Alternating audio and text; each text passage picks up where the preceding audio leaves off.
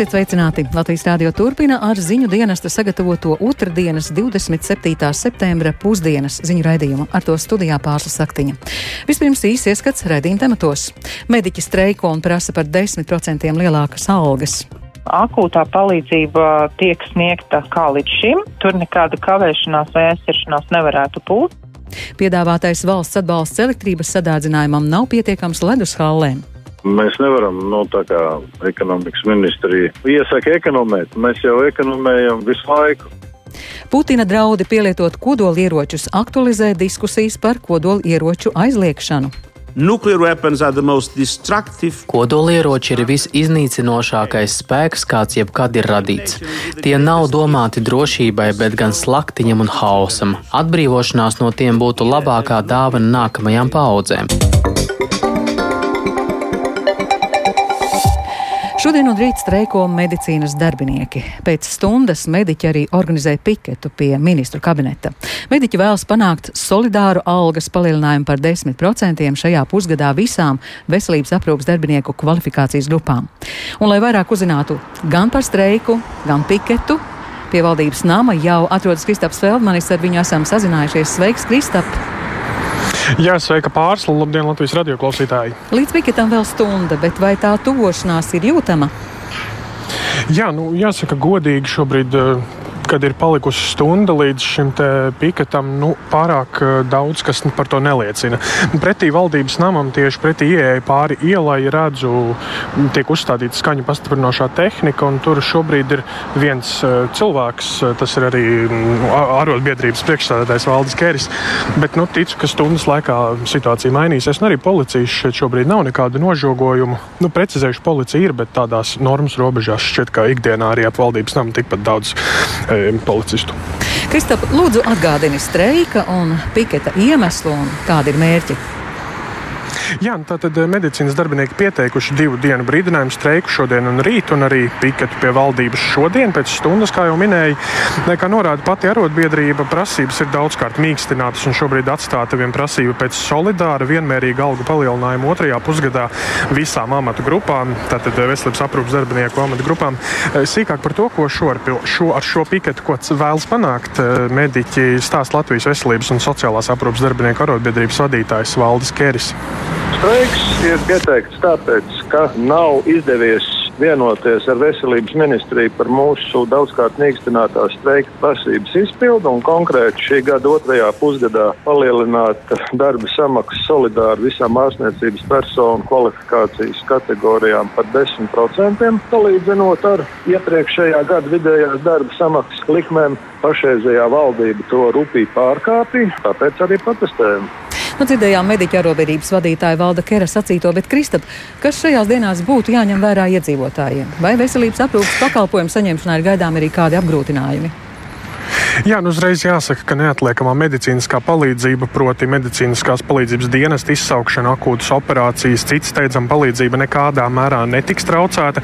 Taču plānotie pakalpojumi, tātad plānveida pakalpojumi gan varētu tikt ietekmēti. Arī, piemēram, vienā no valsts lielākajām slimnīcām, Paula Stradiņa Kliniskās universitātes slimnīcā, streikā piedalās 80 darbinieki. Un lūk, ko par darbu, dalību streikā un iespējamo ietekmi uz iedzīvotājiem saka Stradiņas slimnīcas pārstāve Janita Veinberga.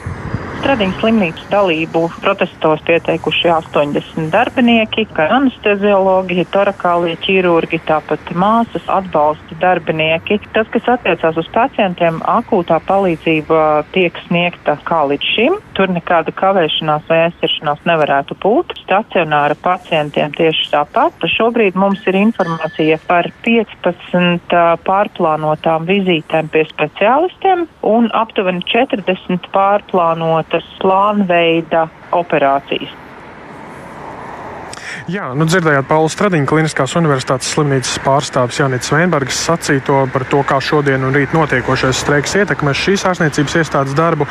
Veinberga gan skaidroja, ka ja šodien un rīt ir plānota kāda vizīte Stradiņas slimnīcā, bet informācijas par pārceltu laiku nav saņemta, tad nu, jāierodas slimnīcā kā plānots. Savukārt attiecībā uz citām slimnīcām nu, jāpiebilst, ka informācija jāmeklē vēršoties pie konkrētajām ārstniecības iestādēm. Vēl tikai gribu piebilst, ka šobrīd, kamēr runājam, arī sāk ierasties pa kādam cilvēkam arī tāda grupa ar cilvēkiem vestēs. Bet nu, pēc stundas jau skatīsimies, kā šis pikets norisinās. Pārsla. Paldies! Paldies, Kristaps Feldmanis, seko līdzi notiekošajiem un, kā dzirdējāt ziņās, vienos jau atkal sazināsimies, lai uzzinātu vairāk, kā norit mediķu pikets. Valdība šīs dienas sēdē lems, vai Latvijā izsludināt ārkārtējo situāciju saistībā ar Krievijā sākto daļējo mobilizāciju. Par šādu rīcību vienojušies koalīciju veidojošo partiju pārstāvji. Par situāciju uz robežas ar Krieviju pašlaik un dienestu rīcības iespējām ārkārtējās situācijas laikā pastāstīs Jānis Kinzis šobrīd studijā. Jāni, kāpēc iekšlietu ministrija gatavo šādu lēmumu apspriešanai valdībā? Jā, labdien! Pašlaik situācija pierobežā ar Krieviju ir mierīga un to apliecina arī iekšlietu ministrijas sniegtā jaunākā informācija. Kopš 19. septembra ieceļošana Latvijā ir atteikta 57 Krievijas pilsoņiem, bet uh, Latvijā legāli ieceļoja 2474 Krievijas pilsoņi. Savukārt izceļoja nedaudz mazāks skaits, virs 2300. Patvērumu Latvijā ir pieprasījuši 16 Krievijas pilsoņi, un divi par iemeslu šim lūgumam ir norādījuši izsludināto mobilizāciju. Šajā laikā robežsargi stingri pārbauda visu no Krievijas iebraukušo atbilstību valdības rīkojumā noteiktajām izņēmuma kategorijām. Turklāt vairums iebraucēju Latviju izmanto kā tranzīta valsti un šeit neuzkavējas.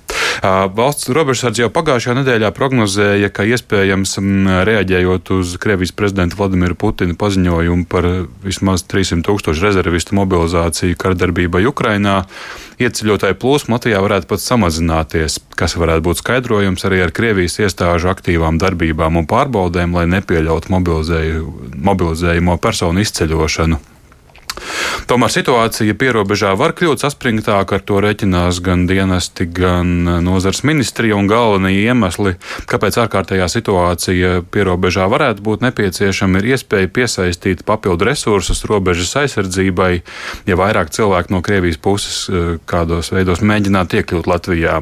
Tāpat ārkārtējā situācijā operatīvāk varētu organizēt šo cilvēku pārbaudas un reģistrāciju. Tā to skaidroja iekšliet ministrs Kristaps Eklons no attīstībai par Ārkārtējā situācijas izsludināšana pierobežā kā vēlamu un apsteidzošu rīcību vērtē arī politologs Filips Rejevskis. Viņš šajā lēmumā nemeklē nekādu politisku kontekstu, bet gan praktiskus apsvērumus. Pēc viņa teiktā nevajadzētu gaidīt situāciju, ka no Krievijas puses masveidīgi mēģina iekļūt Latvijā un tikai tad lemt par kādām rīcībām. Paklausīsimies viņa teikto. Mēs redzam, ka tajās valstīs, kur var iebraukt, Tur ir tagad tās rindas, bet Krievija lēnā garā vērt ciet robežas, bet gribēšana izbraukt un negribēšana karot, viņa nekur nepazudīs.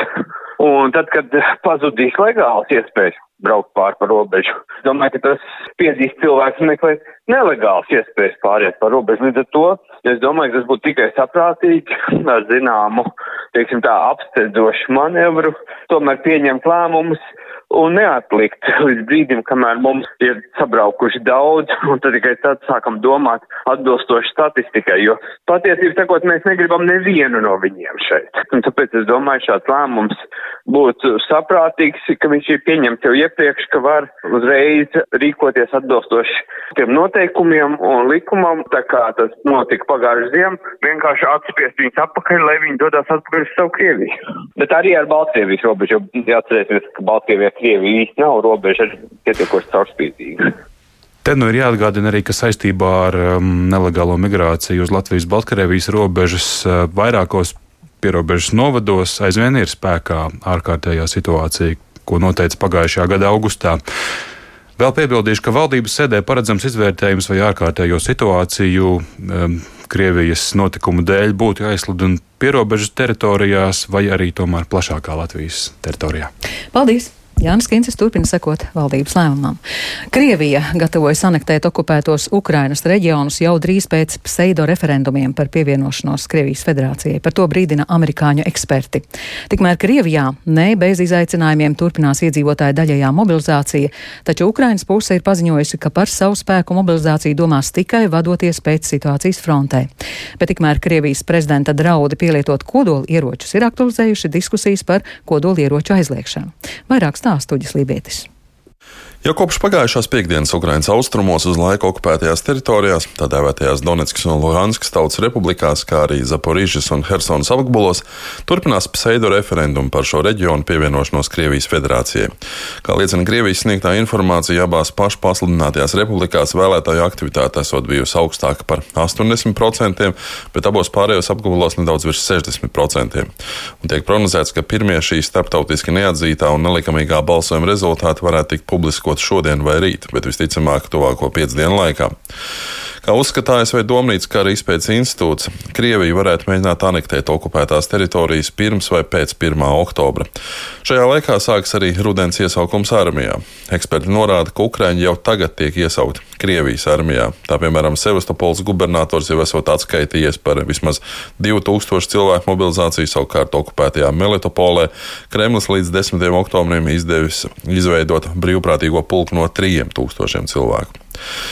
Tikmēr Krievijas uzsāktā mobilizācija uzņem apgriezienus, un, lai arī ne bez grūtībām, internetā pieejamajos video redzams, ka daudz vietu karavīri dzīvo vecās koka barakās, citvieta kazāru mēkās pat nav gultu, iesauktie ir spiesti gulēt uz soliem, bez matračiem vai segām. Vēl citos video mobilizētie, kuri ir atteikušies pildīt pavēles, redzami lielā skaitā ieslēgti vienā telpā bez pārtikas, ūdens un ar ierobežotām iespējām apmeklēt labierīcības. Visai saspringta situācija joprojām saglabājas uz Grūzijas robežas, kur izbraukt gribētāju automašīnu rindas pārsniedz 20 km, lai arī cilvēkiem ļauts robežu šķērsot ar kājām vai velospēdiem. Krievijas iekšlietu ministrija apstiprinājusi, ka pie robežas čērsošanas vietas plānots izveidot mobilo kara komisariātu punktu. Kā uzskata Ukrainas ģenerālštābs, arī Helsonas apgabala okupētās teritorijas pašlaik ir pilnībā slēgts izbraukšanai un iebraukšanai. Turklāt uz Ukraiņu karstajām līnijām pienākot ar vien vairāk zvanu, kurām mobilizētie Krievijas iedzīvotāji interesējas par iespējām padoties Ukraiņu gūstām. Tāpat Ukraiņas bruņoties spēki norāda, ka ieņemtās Zaporīžas atomelektrostacijas darbinieki arvien negribīgāk sadarbojoties ar okupācijas spēku pārstāvjiem, un situācija ir ļoti saspringta. Bet tā kā pēdējos Krievijas prezidenta Vladimira Putina paziņojumos atkal ir izskanējis mājiens par iespējamo kodolieroču pielietošanu, šis jautājums ir aktualizēts arī ANO ģenerālajā asamblējā.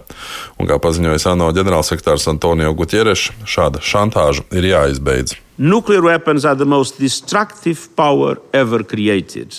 No Kodolieroči ir visiznīcinošākais spēks, kāds jebkad ir radīts.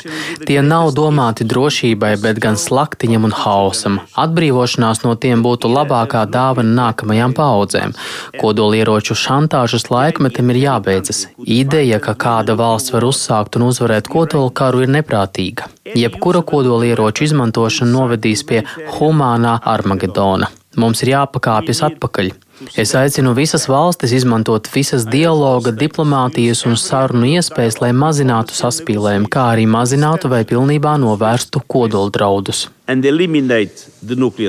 Kā norāda Antonio Gutierrešs, pasaulē ir nepieciešama jauna vīzija, jauns redzējums par kodolieroču neizplatīšanu un atbruņošanos.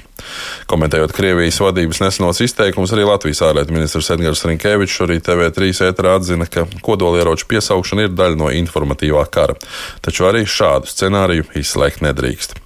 Uģis Lībijams, Latvijas Radio. Eiropas Savienības dalībvalstu ārlietu ministri ārkārtas sanāksmē Ņujorkā pagājušajā nedēļā vienojās par nepieciešamību noteikt jaunas sankcijas Krievijai, reaģējot uz šajā valstī izsludināto rezervistu mobilizāciju karam Ukrainā. Taču par sankciju saturu vēl priekšā Eiropas komisijas dalībvalstu diskusijas. Kas varētu tikt ietverts sankcijās un kas varētu palikt ārpus tām, pastāstīs Rihards Plūme. Eiropas Savienības augstākais pārstāvis ārlietās un drošības politikā Žuzeps Borels pauda pārliecību, ka atbalsts Ukrainai ir jāturpina, un tas ietver arī jaunu sankciju noteikšanu pret Krieviju.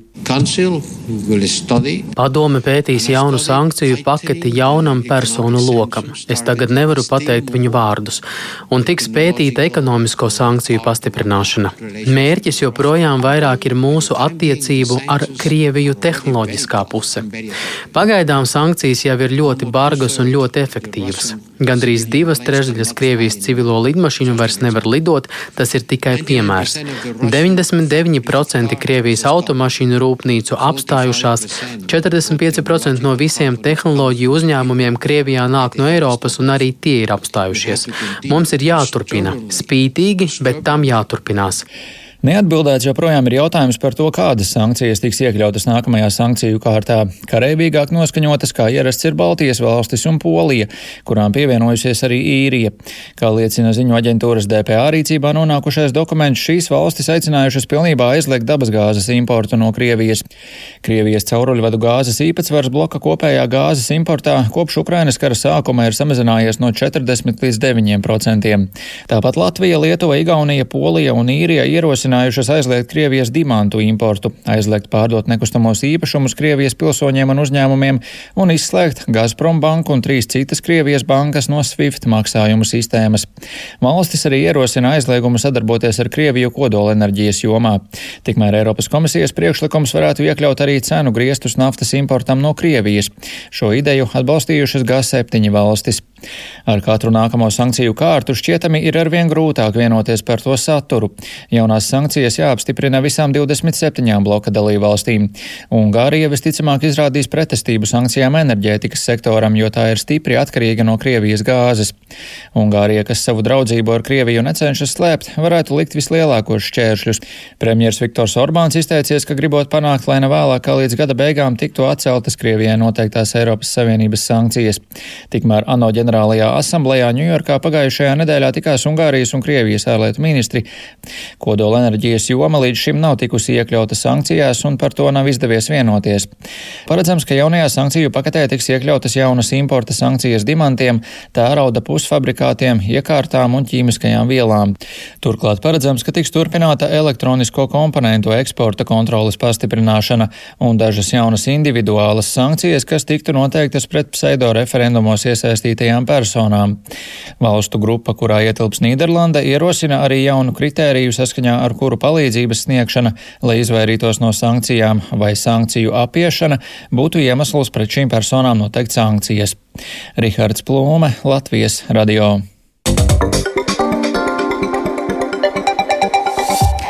Šodien valdībā jautājums par atbalstu elektrības sadārdzinājumam uzņēmējiem un mājasaimniecībām. Kopumā tam paredzēti ap 425 miljoniem eiro. Mājasaimniecību atbalstam paredzēti 165 miljoni eiro, uzņēmumiem 260. Lai pastāstītu vairāk, studijā ir Linda Spundiņa. Sveika, Linda! Sveika pārslabdien, klausītāji! Kāds ir ekonomikas ministrijas piedāvājums?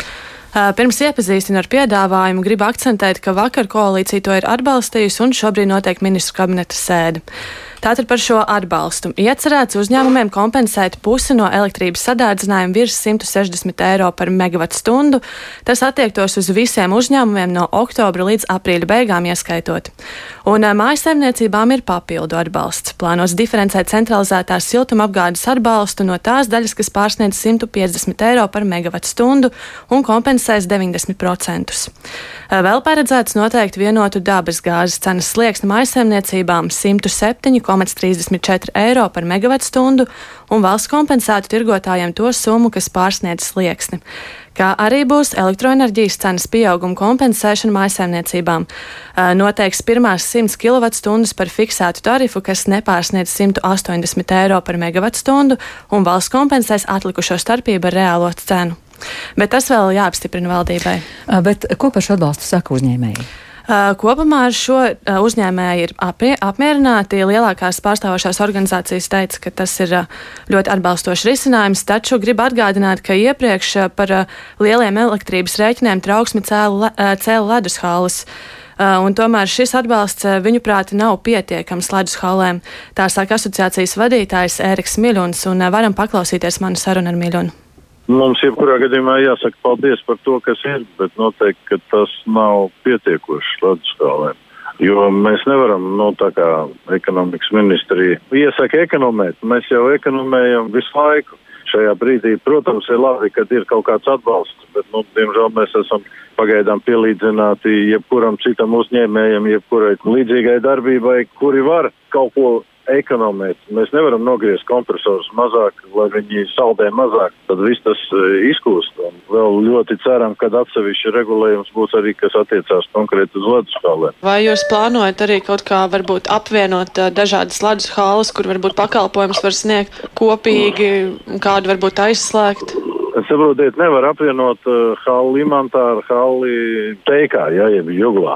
Katrā hallē, nu, ir ledus īrnieki, un katrā hallē tie laiki, kad darboties, ir viena un tie paši. Un tas neglābs situāciju, kad viena halla aiztaisās un otra dzīvo. Nu, otra dzīvo neatkarīgi no tās vienas vai aiztaisās vai neaiztaisās. Pirmkārt, mēs ceram, jebkurā gadījumā vēl varbūt tās tomēr tiks meklēta papildus kaut kāda risinājuma.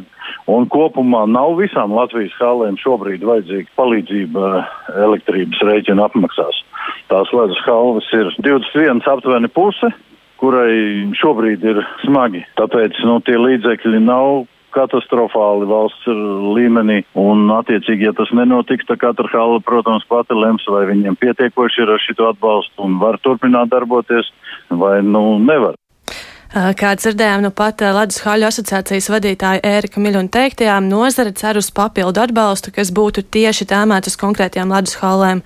Vakar ekonomikas ministre Ilza Indriksona no Nacionālās apvienības man intervijā izteicās, ka būtu nepieciešams Ledus halas apvienot, apvienot spēkus un intensīvi noslogot dažas, bet, nu, kā jau nu pat dzirdējām, Ledus Haļu asociācija tam īsti nepiekrīt un saka, ka tas nav īstenojams. Bet vai šobrīd kāda Ledus hala ir slēgta? Nē, šobrīd ledus halas nav slēgtas, taču vairākām halēm ir mīnus jau no iepriekšējiem elektrības rēķiniem. Pēc aptuveni pusmēneša mēneša būs skaidrs, kā varēs savilkt galus un kā, kas izdzīvos un kas nē. Paldies, Linda Spundiņa, par valsts atbalstu uzņēmējiem un par ko norūpējušies ledus haļu īpašnieki.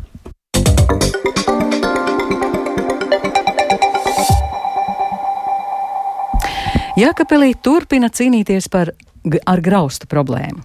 Pirms vairākiem gadiem pilsētās sāka nojaukt pamestās un brūkošās ēkas, lai padarītu pilsētu vidi drošāku un pievilcīgāku. Tomēr gan pilsētā, gan apkārtējos pagastos vēl ir daudz ēku, kas ne tikai bojā skatu, bet arī apdraud iedzīvotāju drošību. Par to, kā ar graustu problēmu cīnās Jēkabils novadā, turpina Sandra Paigļa Kalne. Jēkabils pilsētā neapsaimniekotu avārijas stāvoklī esošo ēku nojaukšana tika uzsākta pirms pieciem gadiem. Šo gadu laikā nojaukti astoņi grausti, kas radīja apdraudējumu iedzīvotājiem un bojāja pilsētvidas ainavu. Tomēr pamesto ēku nojaukšana nav tik vienkāršs process. Jākapils novada pašvaldības priekšsādātājs Raivis Ragainis no Latvijas zaļās partijas skaidro, galvenā problēma ir, ka daudzas ēkas pieder privāti īpašniekiem. Kā tas ir Latvijas naftas gadījumā, ja, ka tur ir padomes un kas tik tur ir, un mēs īsti netiekam galā. Raivis Ragainis runā par vecu bērnu dārza ēku, kas pieder uzņēmumam Latvijas nafta un kas gadiem ejot ir pārvērtusies par atkritumu izgāstuvi un bīstamu vietu sevišķi bērniem, kuri tur skraida. Daudz viet ir atdalījušies ķieģeļu gabali, kas kuru katru brīdi var krist lejā. Ēkā regulāri arī izceļas ugunsgrēki. Sākotnēji vietvarā bija plāns ēku nojaukt jau šogad, bet Raivis Ragainis skaidro, ka sarunas ar uzņēmumu nevedas tik viegli. Šobrīd esam nonākuši līdz tam, ka jābūt uzliktai sētai, lai nodrošinātu, ka nevar piekļūt pie šīs ēkas. Jau iepriekš ir nojauktas būves, pēc tam mēģinot piedzīt līdzekļus no īpašnieka, bet nesekmīgi. Ir gadījumi, kad privāti īpašnieks degradēto būvi par simbolisku samaksu pārdod pašvaldībai, tomēr nojaukšanu kavē arī finansiālie aspekti. Vienas piecstāvu ēkas demontāža izmaksā aptuveni 50 tūkstošus eiro. Šie ir iemesli, kādēļ vēl nav nojauktas nepabeigtās daudz dzīvokļu ēkas Auseklīša ielas mikrorajonā. Jēkapalieši, kuri dzīvo blakus graustiem, jau gadiem ilgi gaida būju demontāžu. Tur, nu, Viss kā aizsist ar dēļiem ir, bet tur bomži dzīvo. Tāda miskaste uztaisīta. Protams, tas arī ir bīstami. Meita stāsta, ka staigājot ārā, draudzenes stāstījušas, ka atrod kaut kādu caurumu un tad tur ielien tādā mājā iekšā. Visu skatu bojā, un tur tomēr bērni tāpat tiek iekšā. Raivis Ragainis skaidro, ka ir jādomā ne tikai par graustu nojaukšanu, bet arī jauniem daudzdzīvokļu namiem, kur varētu dzīvot ārsti un citi speciālisti.